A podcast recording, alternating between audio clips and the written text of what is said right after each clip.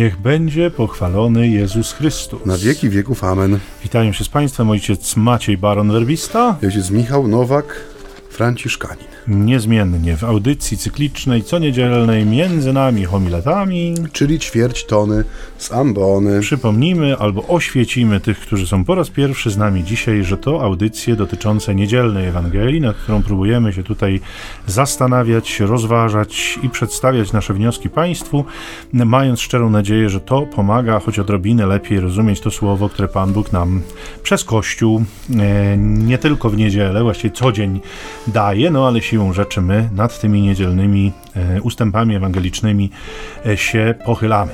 Wobec czego w tym mm, pochyleniu ojciec Maciej łaskawie nam tutaj ten tekst święty dzisiaj przypomni. Dzisiejsza Ewangelia jest zaczerpnięta znowu z e, wersji Mateuszowej z 25 rozdziału.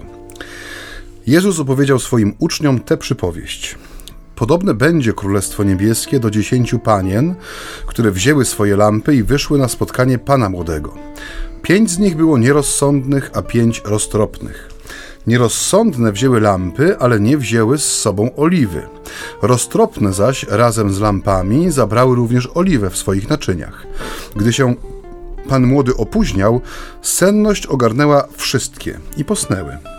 Lecz o północy rozległo się wołanie: Oto pan młody idzie, wyjdźcie mu na spotkanie. Wtedy powstały wszystkie owe panny i opatrzyły swe lampy. A nierozsądne rzekły do roztropnych: Użyczcie nam swej oliwy, bo nasze lampy gasną. Odpowiedziały roztropne: Mogłoby i nam, i wam nie wystarczyć. Idźcie raczej do sprzedających i kupcie sobie. Gdy one szły kupić, nadszedł pan młody. Te, które były gotowe, weszły z nim na ucztę weselną i drzwi zamknięto. Nadchodzą w końcu i pozostałe panny, prosząc: Panie, panie, otwórz nam. Lecz on odpowiedział: Zaprawdę powiadam wam, nie znam was. Czuwajcie więc, bo nie znacie dnia ani godziny. Tak, to y, w odróżnieniu od y, fragmentu z ubiegłego tygodnia, z 1 listopada, ten lubię bardzo. Y, Zdradzę to Państwu i Tobie, mój drogi przyjacielu. Lubię go właściwie od jednego momentu, to znaczy on mi bardzo zapadł w serce głęboko, kiedy składałem śluby wieczyste e, w naszym zakonie, to znaczy na zawsze i na wieki wiązałem się z, z tą wspólnotą, z tą rodziną zakonną, e, ślubując Panu Bogu życie w ubóstwie, w posłuszeństwie i w czystości. Składało nas śluby dziesięciu.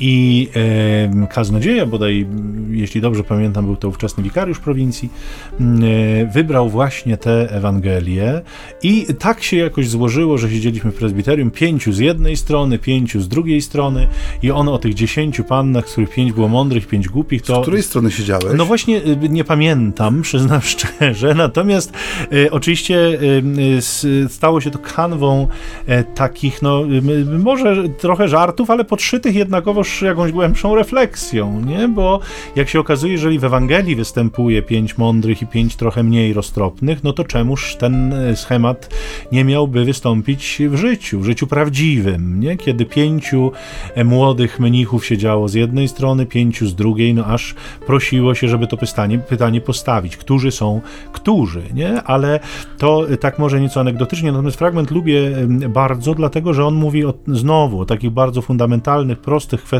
naszego życia, a właściwie może nawet tej jego partii, tej części, która y, mm, powiedzmy no jest momentem przejścia też do wieczności, bo tam wybrzmią z całą mocą pytania, które my będziemy się starali już Państwu dzisiaj tutaj w tym y, naszym programie postawić. Zacznijmy może od tego, że y, jakby no warto uświadomić sobie, uzmysłowić, że te wesela w Izraelu, one się dokonywały w czasie. To nie były takie punktowe wydarzenia, nie? które e, dzisiaj przeżywamy, że jest zaplanowana data, tam powiedzmy 15 listopada, no może listopad nie jest najlepszym miesiącem, bo nie ma R w środku, więc wiadomo, że są rzeczy ważne i ważniejsze, ale R w środku być powinno, no i nie może być w maju, bo ślub majowy, grób gotowy, oczywiście Czekaj, zapiszę to sobie w mojej księdze promyczków duszpasterskich, przysłowia mądrością narodu, no ale zmierzam które innej tego, mądrości nie posiadają. zmierzam do tego, że że oczywiście mamy to dzisiaj właśnie w, takim, w takiej perspektywie punktowej, że jest data, jest zaplanowane wydarzenie, ono się zacznie o godzinie 13 ceremonią w kościele, no i skończy się tam o godzinie drugiej w nocy czy o czwartej, jak zespół już nie będzie w stanie grać dłużej, no i wszyscy inni pozostali również nie będą w stanie już się bawić. Tak. No więc to, to jest jasno przewidywalne i konkretne. Natomiast w Izraelu nie do końca tak było. Nie? To znaczy te um, um, uroczystości weselne były po prostu rozciągnięte w czasie. One oczywiście miały pewien punkt wspólny, czy punkt rozpoczęcia, bo wszystko się musi kiedyś zacząć, wszystko się musi kiedyś skończyć, ale jak pamiętamy z tej przypowieści o gościach zapraszonych na ucztę weselną, no to te zaproszenia tam ponawiano, już był sygnał, że to już się zaczyna, że już, już, już można przyjść. No i y, podobnie jest tutaj z tymi pannami, bo y, cała uroczystość weselna rozpoczynała się od przeprowadzenia pana młodego do, y, do domu panny młodej. Tam te uroczystości radosne przez wiele dni często miały miejsce, ale ten pan młody też szedł w takim całym rytuale. Zwiastowano częstokroć kilkakrotnie, że już nadchodzi, w związku z tym, że droga była odległa, wszystko A, zaczynało się wieczorem. Się po zachodzie słońca. Dokładnie, wszystko zaczynało się wieczorem, było ciemno, egipskie ciemności zapadały, lamp nie było elektrycznych, przypomnijmy. No więc y, musiał być jakiś szpaler ludzi, musiała być jakaś grupa, która tego pana doprowadzi, która go przejmie, która go wprowadzi do komnaty tej małżonki. No cała obrzędowość tego ślubu, która skądinąd w sobie bardzo bogata i piękna, sprawiała pewne trudności, no bo ten pan, tak jak powiadam, zwiastowany kilkakrotnie, te panny już na baczność, okazało się, że jednak nie idzie, a to za chwilę już idzie, a jednak nie idzie. No i e, te panny, e, bo do tego zmierzam, w tym moim dłuższym wywodzie, były, e, jakby może inaczej, nie były przypadkowymi osobami, nie? To były panny bardzo starannie wyselekcjonowane, to były panny, które doskonale wiedziały, co należy do ich obowiązków, To nie byli ludzie wzięci z łapanki, szybko, szybko, bo nie wiem, któraś tam zachorowała, to weźmy tutaj ciebie do klubu. Nie, to były osoby, które, tak jak powiadam, należały do jakiegoś ścisłego grona przyjaciół czy, czy krewnych wręcz. E, i one doskonale wiedziały, po co tam idą i one doskonale wiedziały, co będzie im potrzebne, wobec czego ten brak, o którym dzisiaj Ewangelia nam wspomina, y, jest ni mniej, ni więcej tylko wyrazem skrajnego lekceważenia tego, co y, powinny mieć ze sobą, skrajnego lekceważenia tego y, zaszczytnego obowiązku, jakby przejęcia pana młodego, bo nie były w stanie go wypełnić z mhm. prostej przyczyny, że były one same niepełne w znaczeniu takim, że nie wzięły, nie miały ze sobą wszystkiego, co było niezbędne do realizacji tej obrzędowości pięknej. Niech ojciec kontynuuje. No ciekawe jest to, co mówisz właśnie o tym y, trochę innej koncepcji czasu, nie? Ja y, mm, czytałem, że jak gdyby ten, ten za, zaślubiny, jak gdyby, tak jak mówisz, one się, one były bardzo rozciągnięte w czasie, mm -hmm. bo mhm. dziewczyna czy kobieta młoda była um, uważana za gotową do orzenku, do zamąż pójścia w wieku lat 14-13 czasami i był, no, kultura była inna, wtedy wiadomo, inne też były te kryteria czasowe. Człowiek 38-letni czy 40-letni był uważany już za człowieka starszego. Średnia wieku mężczyzn prawdopodobnie była około 45 lat, kobiet około 50, czy średnia długość życia to było około 50 lat, więc 15-letni młody człowiek był już niejako w jednej trzeciej swojego życia, więc odpowiadało to mniej więcej, mniej więcej tym dzisiejszym kryteriom, kiedy to te orzenki też są poprzesuwane w czasie i często mamy tych 30-letnich narzeczonych, czyli też już jedną trzecią życia według tych takich powszechnych miar mają już za sobą, więc tu nie ma jak gdyby wielkiej różnicy, jeżeli chodzi o y, analogię, nie? Ale coś in, i, inaczej przeżywano ten czas zaślubin także z tego tytułu, że y, najpierw było to, co byśmy dzisiaj nazwali takim narzeczeństwem, czy, czy byciem zaręczonymi, co w, w ich kulturze już oznaczało, że oni są sobie poślubieni. Już, żeby zerwać taki, znaczy w sensie przerwać taki e, związek, był potrzebny ów sławny list rozwodowy. A najczęściej było tak, że w tym okresie narzeczeństwa pan młody, czy, czy małżonek, czy jakkolwiek go określimy, pozostawał w swoim domostwie, a jego wybranka już jemu przypisana prawem, nie, mieszkała jeszcze z rodzicami. I dopiero kiedy powiedzmy dopełniono jak gdyby tej rzeczywistości materialnej, czy nie wiem, czy chodziło, bo y, no, nie ma jakichś takich dokładnych opisów tych zwyczajów, ale prawdopodobnie chodziło o przygotowanie jakiegoś majątku, czy jakiegoś no, zabezpieczenia dla wspólnego życia, więc ten czas między tym narzeczeństwem, a tą faktyczną ucztą weselną, która była jak gdyby przypieczętowaniem tego małżeństwa i pierwszym dniem faktycznie wspólnego życia młodych, często było bardzo, znaczy bardzo, było rozciągnięte w czasie. Zauważ, jaka tu bije różnica e, względem naszych dzisiejszych obyczajów, nie? że dzisiaj, tak jak mówisz, raz, że myśmy e, skondensowali ową radość do konkretnego dnia i godziny, to jest pierwsza rzecz. Dwa, że ta instytucja narzeczeństwa, czy powiedzmy takiego poznawania się, no bywa, czy, no bywa taka albo krótka, albo w ogóle nie bywa w, jakiś sposób sformalizowana. No a trzy, no niestety żyjemy w czasach, kiedy ludzie żyją na sposób małżonków, jeszcze zanim cokolwiek będzie y, postanowione, zanim y, zgodnie powiedzmy czy, czy z przyjętym zwyczajem, czy kulturą danego miejsca y, rozpoczną to wspólne życie w sposób mniej czy bardziej sformalizowany. Więc to jest też taka, taka różnica. My dzisiaj nie potrafimy czekać, nie? I też nie chcemy czekać. My chcemy korzystać, że tak powiem, z wszelkich dobrodziejstw, które przychodzą wraz z, powiedzmy, z przywilejem małżeństwa, jeszcze zanim cokolwiek będzie postanowione i w sposób e, taki konkretny określone, nie? To jest też y, no, taki ciekawy no, wgląd w tą rzeczywistość życia wspólnego. Ale przechodzimy oczywiście do mm, tego głębokiego znaczenia przypowieści, bo przypowieści same w sobie jak gdyby się nie wyczerpują. One zawsze są nam dane w bardzo konkretnym, e, w bardzo konkretnym e, celu, żebyśmy mieli możliwość spojrzenia w rzeczywistość głębszą. Tutaj w tym wypadku jest to rzeczywistość Królestwa Niebieskiego, bo o tym jest ta przypowieść.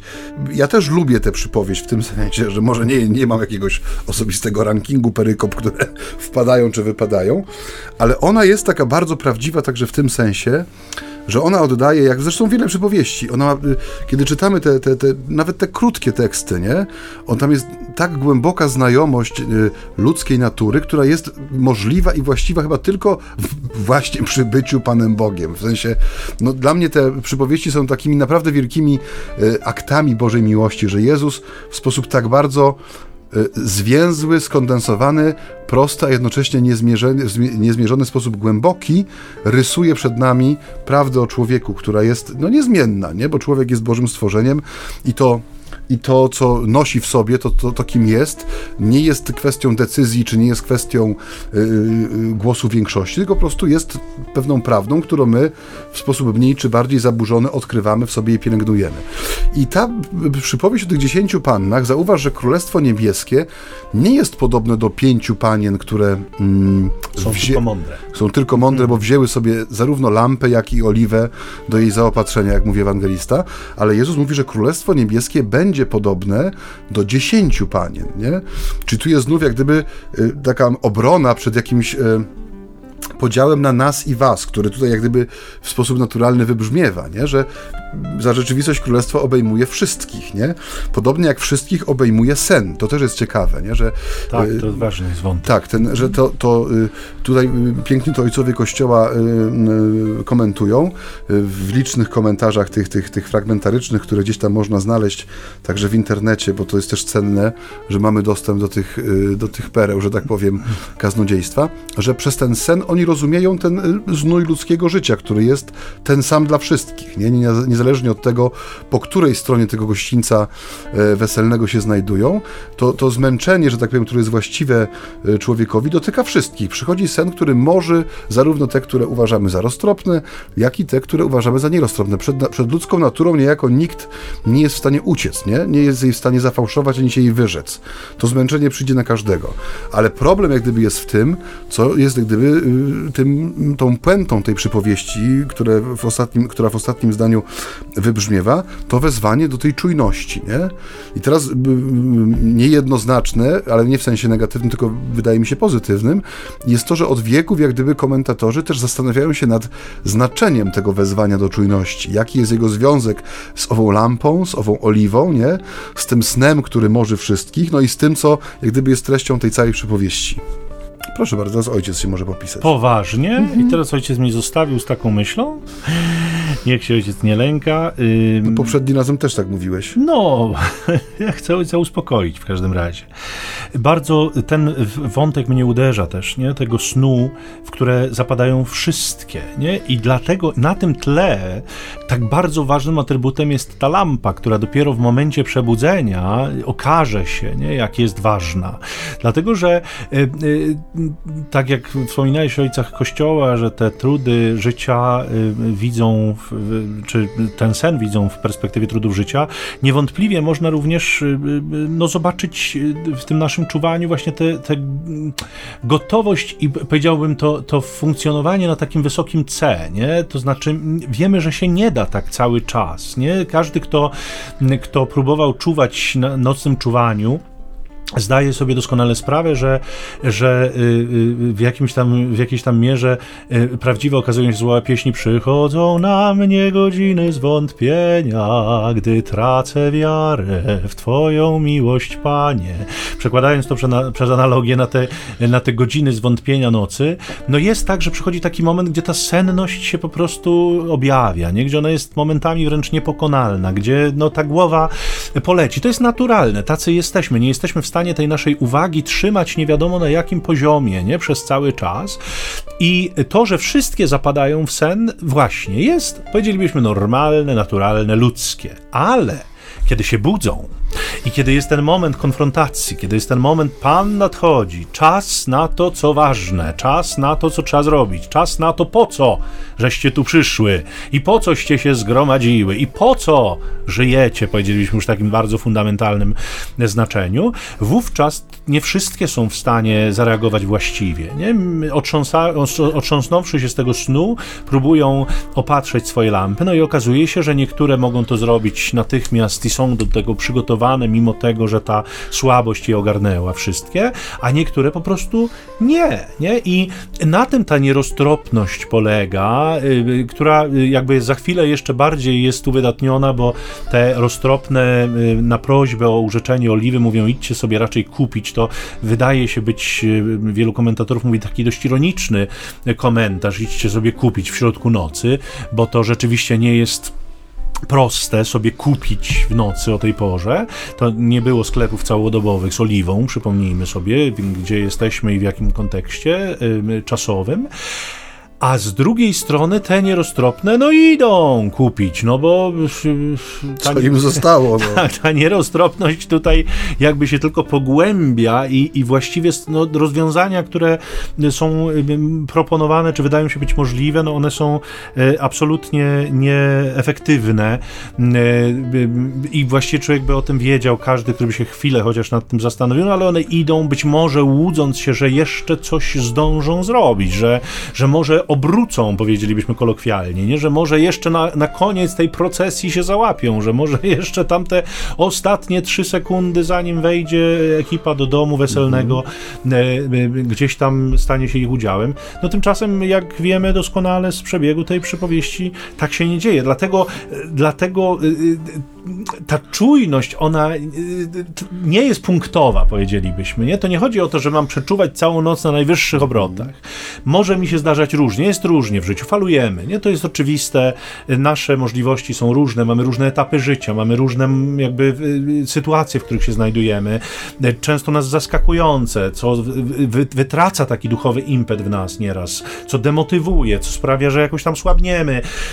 Ale jeżeli lampa I tu rzecz jasna możemy sobie interpretować po, na wielorakie sposoby tę lampę, jako naszą wiarę, nie? Jako, jako naszą miłość, jako to przylgnięcie do Chrystusa, jako ta świadomość tego, po co my żyjemy, jako ułożone mhm. właściwie fundamenty, priorytety w naszym życiu, hierarchię wartości itd., tak itd. Tak Jeżeli nasza lampa jest przygotowana, to opatrzenie jej e, następuje błyskawicznie i ona już służy do tego, do czego służyć powinna, do oświetlania drogi, do odpędzania złych zwierząt, do tego, żeby móc godnie, w sposób właściwy przywitać tego, który przychodzi, na którego tak naprawdę w tym naszym życiu mamy oczekiwać.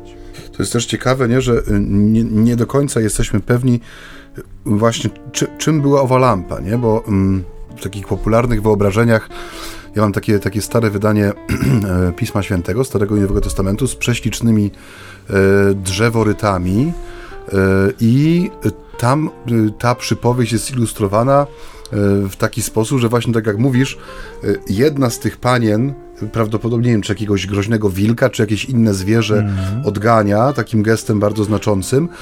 Pozostałe oświetlają drogę przed nimi, gdzie już rysuje się e, ta sylwetka tego pana młodego, który nadchodzi, a prawa strona mm, tonie w ciemności widać tylko właśnie ten, ten zarys sylwetek trzymających kikuty takich pochodni. Mhm. I y, y, jeśli przyjmiemy, że, że tą lampą była pochodnia, no tak gdyby to też jest y, znamienne, ale ja y, lubię myśleć, że one miały też takie lampy, wiesz, te, takie lampy y, y gliniane. Dlaczego o tym mówię? Bo y, gdyby to była taka gliniana lampa z knotem, to ten y, obraz staje się o wiele głębszy w tym sensie, że święty Paweł mówi o naczyniach glinianych, nie? W, których, w których jest ten przeogromny dar Boży przechowywany. Z jednej strony coś bardzo kruchego, coś bardzo delikatnego, co wymaga odpowiedniego traktowania, a z drugiej strony jeśli jest właśnie potraktowane w sposób odpowiedni, bardzo użyteczne narzędzie, które właśnie pozwala mi spełniać moją funkcję, czyli tego, który ma czuwać, nie? który ma być tym. I ta pusta lampa bez, bez oliwy pokazuje to puste człowieczeństwo, że ja poza tą skorupą, którą mam,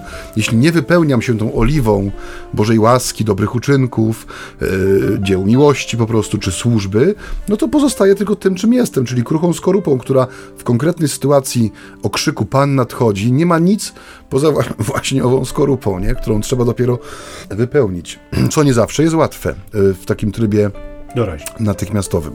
To jest jedna rzecz. A druga rzecz, która mnie jeszcze tutaj e, w jakiś sposób też e, do, zajmuje, to jest to, że to jest druga już przypowieść w ostatnich tygodniach, która w niepostrzeżony taki, nie, nie, znaczy inaczej, nie, niezauważalny sposób przenosi punkt ciężkości z bardzo konkretnej sytuacji życiowej na sytuację sądu ostatecznego. Bo zauważ, że podobnie jak było z ucztą weselną, gdzie nagle wobec króla, który przychodzi i, i patrzy na tego człowieka bez weselnej szaty, y, są wypowiedziane słowa, które zmieniają zupełnie kontekst wypowiedzi. Tam już nie jest prośba o usunięcie człowieka poza salę weselną, tylko jest mowa o związaniu mu rąk i nóg i wrzuceniu go w ciemność, gdzie będzie płacz i zgrzytanie zębów, co z reguły jest no, utożsamiane z tą karą wieczną, nie? I tutaj y, mówiliśmy o tym, że nie do końca znamy te zwyczaje weselne, ale musimy pamiętać, że przypowieści Jezusa nie były gładkimi historyjkami, które opowiadało się wieczorem przy ognisku. To były słowa, które miały słuchaczem wstrząsnąć na różny sposób, nie? Bo jak, kiedy rozbieramy sobie te przypowieści na czynniki pierwsze, czy staramy się znaleźć tło, na, na, na którym one są wypowiedziane, to widzimy, że to nie są proste historyjki. One, one mają taki wbity pazur, taki wbity gwóźdź, który powinien rozszarpać tą naszą taką zasłonę przyzwyczajenia i wprowadzić nas zupełnie nowe nowy wymiar tego słowa. I nie inaczej jest tutaj, ponieważ większość komentarzy zaznacza, że owo zamknięcie drzwi domu weselnego na pewno nie było e, zwyczajem panującym. Znaczy, dom weselny, z racji tego, że uczta e, angażowała nie tylko zaproszonych gości, ale często była po prostu świętem całej wioski, czy nawet jakiegoś większego terytorium, kiedy to była znaczniejsza osoba, która e, no, do, dokonywała zaślubin, ten dom weselny był otwarty dla wszystkich biesiadników, czyli dla tych wszystkich, którzy na danym terenie się znajdowali, więc nie było czegoś takiego, że po wejściu pana młodego na początek uczty zamykano drzwi. Więc to w, w uszach e, słuchaczy Jezusa 2000 lat temu, to był ten, ten gong taki, ten dzwon, który zupełnie zmieniał jak gdyby perspektywę, o której my tu mówimy, nie? Że Jezus nie mówi o codziennej sytuacji, która mogła się przydarzyć e, no, każdemu, w tym sensie, że, że orszaki weselne, panny czuwające, oliwa potrzebna, że to są rzeczy faktycznie, rzeczywiście istniejące w tym konkretnym przypadku, ale że Jezus przenosi akcent i kładzie go na rzeczywistość ostateczną, na rzeczywistość sądu, nie? Nad sprawiedliwymi i niesprawiedliwymi, nad mądrymi i nieroztropnymi, nie? Nad prawymi i tymi, który, którzy prawości w swoim, w swym życiu y, jawnie unikali. Ale żeby nie było tak, że wprowadzamy jakiś nastrój grozy, więc teraz y, jakiś, Zespół Polka Band. jakiś skoczny numer muzyczny Tadeusz nam tak. tutaj zaserwuje, a my wrócimy po krótkiej przerwie.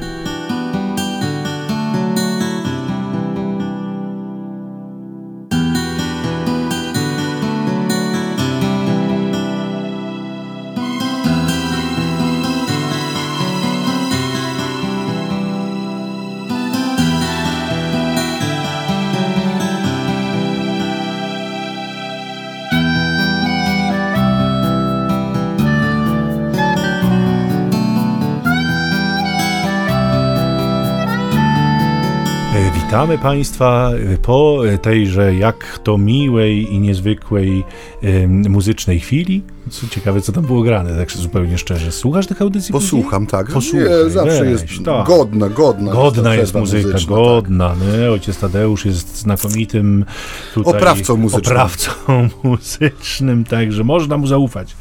Drodzy Państwo, wracamy do tekstu, bo on nas tu dzisiaj prowadzi co powiedział Maciej o tych drzwiach zamkniętych, które były takim szczególnym, charakterystycznym elementem tej przypowieści, e, to one, e, myślę sobie, że przy jej analizie i przy jej czytaniu stanowią też trochę taki. Um, Y, powiedziałbym, pretensjonalny trend. One nas oburzają. No, no bo jak to zamknięte drzwi? Przecież chyba jasne było, że panien jest dziesięć, chyba jasne było, że panien jest y, pięć tylko tych, które weszły. Chyba to wszystko było uchwytne, to wszystko było do dostrzeżenia. Nie? Dlaczego taka złośliwość? Bo to zakrawa trochę na złośliwość, nie? Te biedne, którym się zapomniało wziąć oliwę, nie? Takie, mm, no poszły, coś tam jednak jednak załatwiły, wróciły, więc zamiast to docenić, to tak naprawdę się w jakiś tam sposób je deprecjonuje. Tutaj nie? już taki ten element grozy jest podkreślony tą metamorfozą pana młodego, bo tak jak ojciec Michał słusznie zauważył, y, to nie byli ludzie z łapanki, nie? Te panny, które niosły mm. owe pochodnie, y, to był, ta grupa była ważnym elementem tego, tej obrzędowości weselnej, nie? I zauważ, że jak gdyby tutaj e, z tej e, twarzy pana młodego spada pewna maska, e, oczywiście mówię obrazowo, i padają te słowa, które są jeszcze, wydaje mi się, jeszcze bardziej no, straszne niż ten gest zamkniętych drzwi. Nie znam was, mm -hmm. nie? Nie znam was i, i, i to kończy rozmowę, nie? Dokładnie. E, że, że, że, w tym momencie słuchacze Jezusa, którzy być może byli porwani narracją i liczyli na to, że ta przypowiedź będzie na przykład o, no rzeczywiście, o, jakimś, o jakiejś życiowej roztropności, zaradności, czy pewnej gotowości niesienia pomocy, bo i taki e, wniosek mógł się nawinąć na przykład, gdyby ta przypowieść potoczyła się nieco inaczej, że panny roztropne stwierdziły, no dobrze, jedną trzecią naszej oliwy wam damy, ale pamiętajcie, żeście dojdziemy. głupie, tak. ale dojdziecie jakoś. No. Nie, tu jest narracja prowadzona w ten sposób, że do końca tak naprawdę nie wiadomo, jaki będzie zakończenie. I zakończenie jest nie, nie, nie, niespodziewane, nie? Zamknięcie drzwi i te bardzo ostre słowa, które rzeczywiście oddzielają jednych od drugich nie znam was, nie, nie jesteście częścią y, tej, tej uczty weselnej, która się właśnie rozpoczyna, nie? Znowu powstaje takie wrażenie, że chodzi o rzeczy naprawdę ważne, nie? To nie chodzi o krople oliwy, bo gdyby to naprawdę dotyczyło oliwy, to, to rzeczywiście, no można powiedzieć, że reakcja niewspółmierna, zbyt surowa, przecież trzeba być miłosiernym, trzeba ludziom wybaczać, trzeba, no mój Boże, no każdemu się coś tam może zdarzyć, prawda? Ale wracamy do, do wątku pewnej niefrasobliwości, lekceważenia. To, to nie było tak, że panny nie, nie nie wiedziały, że panny, nie wiem, właśnie z zaskoczenia zostały wzięte. Powtórzę tę myśl. Dlaczego? Dlatego, że mm, e, e, mówiąc o Oliwie i o tym, że te pięć roztropnych nie chciało się podzielić, mówimy o pewnych rzeczach nieprzekazywalnych, nie? Nie, niepodzielnych. To jest, zobaczcie Państwo, jeżeli wejdziemy w, taką, w taki aspekt fundamentalny tej rzeczywistości naszego życia, nie? coś, co ja sobie wy, wypracowałem, w cudzysłowie rzecz jasna, we współpracy z łaską, jakiś bagaż mojego życiowego nie wiem, moich życiowych oszczędności duchowych, nie? na zasadzie, że no, wzrastałem w wierze, formowałem się, kształtowałem, do czegoś doszedłem, w jakiś tam sposób mm, nie, moje serce jest dojrzałe. To jest kwestia nieprzekazywalna. Ja tego nie jestem w stanie y, w okolicznościach, nie wiem, śmierci, e, y, wyobraźmy sobie, lecimy samolotem razem, ojcze Macieju i spadamy, no y, lecimy w dół, ja nie jestem w stanie ci tego dać. Ja nie jestem w stanie w takiej kryzysowej kryzysowym momencie tego wszystkiego, co trwało latami, co jest efektem mojej pracy, mojego zaangażowania, mojej właśnie e, pewnej przewidy, przewi, mnie przewidywania rzeczywistości. tylko i wyłącznie modlitwa dobrego Botra. Panie, wspomni na mnie. Zostanie ci dokładnie no to tak. samo, co ty sobie wypracowałeś, nie? co ty przez całe życie zgromadziłeś, co, z czym ty staniesz przed Panem, to, to są rzeczywistości, którymi my się nie podzielimy, to są rzeczywistości, których nie wymienimy, tak. nieprzekazywalne. Każdy stanie na, na sądzie, bo o takim mówimy, z tym, co ze sobą przyniesie. I tu nie da rady, nie? że to daj mi trochę, o weź, o trochę, chociażbym chciał, to się nie da. I zobaczcie, to jest bardzo y, ładnie ukazane w innej przypowieści, przypowieści o Łazarzu i y, bogaczu, który mhm. umiera i którym y, otchłani gdzieś tam patrzy, widzi tego szczęśliwego biedaka z ziemi y, i mówi do ojca Abrahama, ojcze, weź tam do tych moich braci, bo ich jest pięciu, żeby żaden tu nie trafił, weź ich wyślij, bo oni muszą wiedzieć, że y, tutaj takie straszne rzeczy się dzieją, nie? Żeby oni zdążyli sobie coś tam... Z... Uskrobać. Tak, uskrobać. A, a, ojciec Abraham mówi, ale, ale mają proroków i Mojżesza, niechże ich słuchają. Nie, my mamy instrukcję obsługi, my doskonale wiemy, jak to działa. My, niczego Pan Bóg przed nami nie ukrył, wręcz przeciwnie. Bardziej, no właśnie, że w przypowieści występuje lampa oliwna, a nie reaktor jądrowy. Otóż to, nie? To Coś nie jest skomplikowane w obsłudze. Dokładnie, dokładnie, nie? I on y, jakby zdaje się nam powtarzać ciągle, no, bądź odpowiedzialny za ten dar życia, którym ci, który ci dałem. Nie? On jest zbyt cenny, żeby się nim bawić, on jest zbyt cenny, żeby go sobie odstawić na półkę i się nim nie zajmować. I tak sobie myślę, że trzeba rzeczywiście znaleźć się w takim bezpośrednim niebezpieczeństwie śmierci na przykład, bo ja chcę o śmierci dzisiaj jeszcze powiedzieć parę słów, dlatego że jesteśmy w takim listopadowym klimacie też, ale, ale to jest bardzo ważne, bo to jak, tak jak powiedziałem u początku, te różne treści przez życie zbierane, one nam w ostatnich chwilach wyłażą, że tak powiem, no, stają się jawne, no po prostu nic więcej tam już się nie doda, mhm. niczego się nie ujmie. Z tym idziemy, co, co mamy, więc tak sobie myślę, czy rzeczywiście dopiero te konteksty takie, y, przecież słyszymy ciągle, ja nie wiem, masz pewnie to samo doświadczenie, jako duszpasterze słyszymy ciągle, ten się źle poczuł, miesiąc czasu i go nie było, nie? Zabolała go noga, okazało się, że nowotwór jest rozsiany w całym organizmie, nie wiadomo skąd, nic wcześniej, żadnych symptomów, to tam, to owo. Człowiek umiera, nie? Umiera i i miesiąc czasu, żeby podsumować 50 czy 60-letnie życie, to jest jednak dosyć mało. Nie? Wobec czego o tę czujność chodzi, żeby rzeczywiście zajmować się mm, y, rzeczami fundamentalnymi, co i róż, bo rzeczywiście to, y, powiedzmy, niebezpieczeństwo śmierci, my to tak określamy, czyli ta bezpośrednia bliskość ostatniej chwili życia, to jest coś, co może się pojawić już jutro, więc myślę sobie, że trochę za mało w nas jest tego nadprzyrodzonego myślenia, takiej czujności, takiego przygotowania się do śmierci, nie? Bo, bo y, jakby chcę zmierzać do, do tej Y, y, godziny ostatniej nie, w, w, naszym życiu, która do wszystkich nas, nas czeka, do której my wszyscy jakby zmierzamy. Tymczasem mam takie wrażenie, że m, mm, trochę zaklinamy rzeczywistość, to znaczy jakbyśmy tak sobie myśleli, że jeżeli nie będziemy mówić, nie będziemy hmm. myśleć, nie będziemy o tym pamiętać, to albo te chwile jakoś odwleczemy, albo nie, w jakiś tam sposób mm, w jakiś tam sposób ona się nie pojawi w naszym życiu. Nie? I, i być może te drzwi zamknięte od których wyszliśmy, też tak nas oburzają, dlatego że żyjemy w świecie, który połamał wszystkie możliwe zasady, który nie dba o rzeczy naprawdę ważne, a jest jakby y, tłoczy w nas takie przekonanie, że wszystko się da jakoś załatwić, nie? Mhm. Wszystko się da jakoś obejść, wszystko nie i wścieka nas to, że kiedy słyszymy Boga, y, który mówi w Ewangelii, nie da się, te drzwi będą zamknięte, ja powiem, nie znam was, a wy będziecie spędzać wieczność w ciemnościach i zgrzytaniu zębów, no to to nas wścieka, no bo jak się nie da, skoro my żyjemy w świecie, świecie, w którym się wszystko da, tak naprawdę. Ja tutaj y, chciałbym troszkę dopowiedzieć też to, co ojciec poruszył. Ojciec chciał powiedzieć o śmierci, a ja chciałbym powiedzieć o życiu. Proszę bardzo. Mianowicie dla mnie ta e, przypowieść też y, jawi się y, jako taka wielka nauczycielka tego, czym ma być ludzkie życie i jak je rozumieć. Bo w zeszłym tygodniu po, troszkę pod koniec naszej audycji no, do, doszedłem ja, a ty żeś mi tutaj przywtórował do tego wniosku, że ta dzisiejsza sytuacja człowieka nie jest zbyt ciekawa, nie? że zanim człowiek siebie pokocha, tak jak mówi o tym przykazanie, no, powinien siebie zrozumieć, nie? Powinien wiedzieć, kim mhm. jest. Dzisiaj na pytanie, e, kim jesteś, e, bardzo trudno jest nam odpowiedzieć, nie? Jako, mówię w tej chwili ogólnie, jako, jako wspólnocie ludzkiej, jako poszczególnych jej członkach, no bo niestety żyjemy w czasie, który jest mocno nacechowany takim rozpadem pewnych stałych struktur, pewnych y, tradycyjnych też może definicji. są one albo wypychane ze świadomości, albo w ogóle są negowane jako nieprawdziwe, nieautentyczne.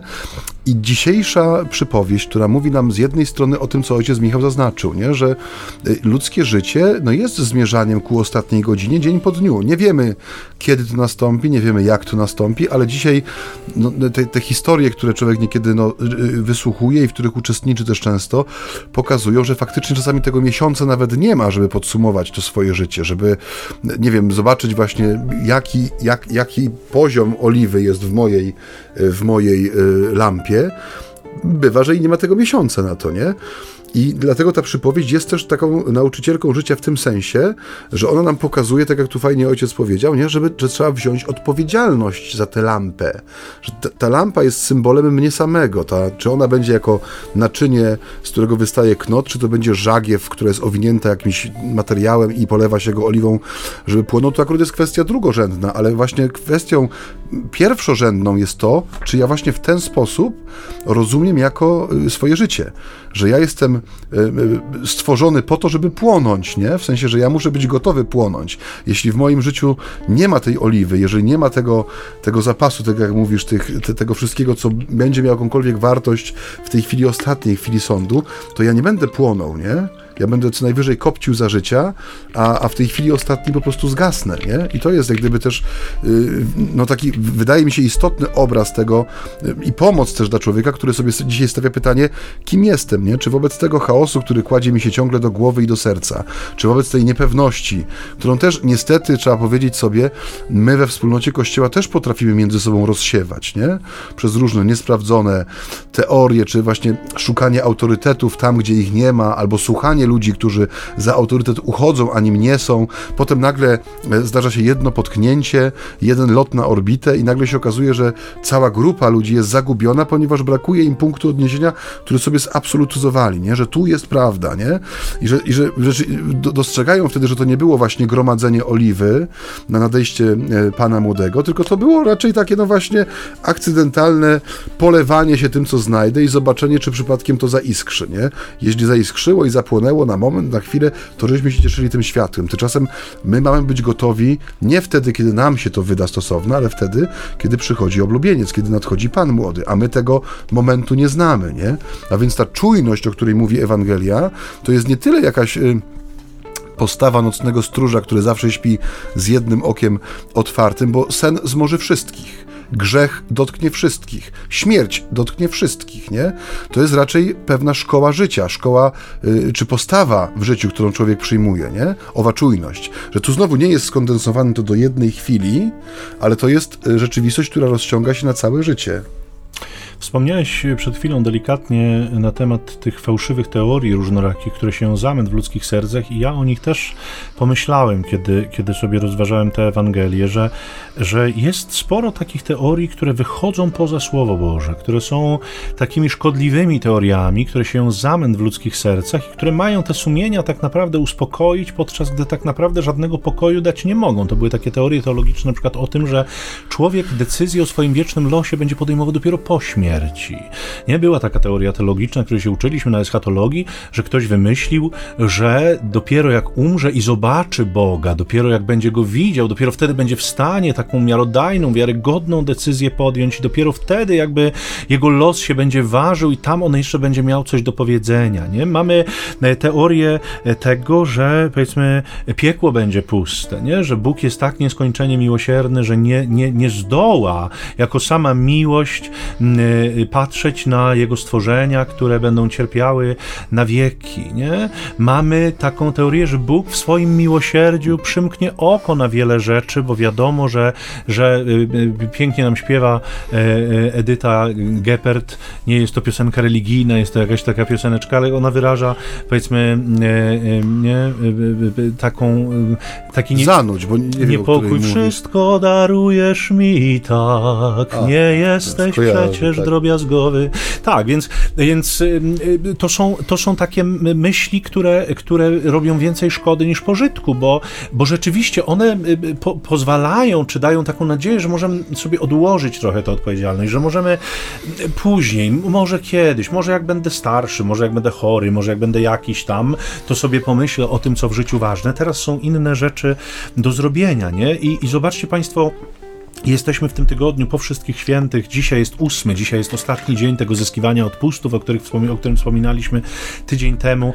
E, kiedy stajemy na cmentarzu, to stoimy nad grobami wielu ludzi, którzy zostali zaskoczeni przez śmierć. Nie? Wielu ludzi, do których śmierć przyszła nagle, którzy nie mieli y, czasu z, z, zobaczyć nawet, gdzie jest lampa, a co dopiero, żeby uzupełnić jakieś tam zasoby oliwy, ale wielu ludzi także było takich, którzy byli doskonale przygotowani na tę Nie? I to niezależnie od tego, czy, czy jakby chorowali wcześniej, czy cierpieli, oni tak przeżywali swoje życie, że rzeczywiście ta godzina śmierci, ta ostatnia godzina tu na ziemi, godzina przejścia, która ma być godziną bezpieczną, która ma być godziną pełną pokoju, godziną piękną, godziną radości, ta godzina nie była zaskoczeniem, nie? Wręcz przeciwnie, nie powodowała lęku, tylko powodowała takie właśnie głębokie przekonanie o tym, że idę do domu ojca.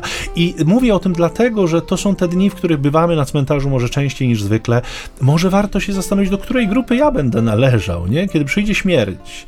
Czy ja będę tym człowiekiem, który będzie tak zaskoczony i zupełnie zdezorientowany tą sytuacją, bo przecież się nie spodziewam, bo przecież zawsze, zawsze, na to jest zawsze za wcześnie, czy też będę zupełnie spokojnie oczekiwał na moment, w którym ten etap życia się skończy, to znaczy tę stronę muszę opuścić po to, żeby przejść na następną stronę mojego życia, życia, które będzie miało już zupełnie inny wymiar, zupełnie inny charakter, o którym my dzisiaj wiemy może niewiele.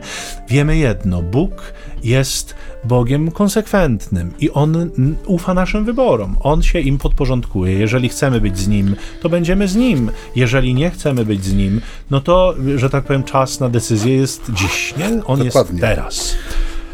I to by było chyba. To by było na tyle. No Znowu żeśmy się rozgadali. Można by jeszcze długo. No można. Można by, no ale niestety nie można. No nie można. Jednak nie. Już ojciec tutaj właśnie... Radiowe zegary są Dyrektor się pojawił również za szybą e, i to jest znak. Ma nożyczki i będzie przycinał tak, kable z mikrofonu. Pokazuje także... nam ten charakterystyczny znak zakończenia. Również Tadeusz nam ten znak wcześniej pokazał, co już nie, nie pozwala ich zbagatelizować i musimy się z Państwem pożegnać. Ale mamy nadzieję, że na chwilę, na tydzień jak zwykle i za tydzień usłyszymy się Znowu. Znowu. Dzisiaj dziękujemy za to spotkanie w ramach tej naszej mm -hmm. cyklicznej audycji między nami homiletami, czyli, czyli ćwierćtony z ambony, listopadowe e, zamyślenia. zamyślenia, takie cmentarno-niecmentarne. Y, y, y, stajemy przy Was, zwłaszcza przy tych, którzy cierpią najbardziej, którzy pożegnali swoich bliskich w ostatnim czasie, dla których to święto zmarłych, jak mówimy w naszej polskiej tradycji, było szczególnie bolesne i trudne,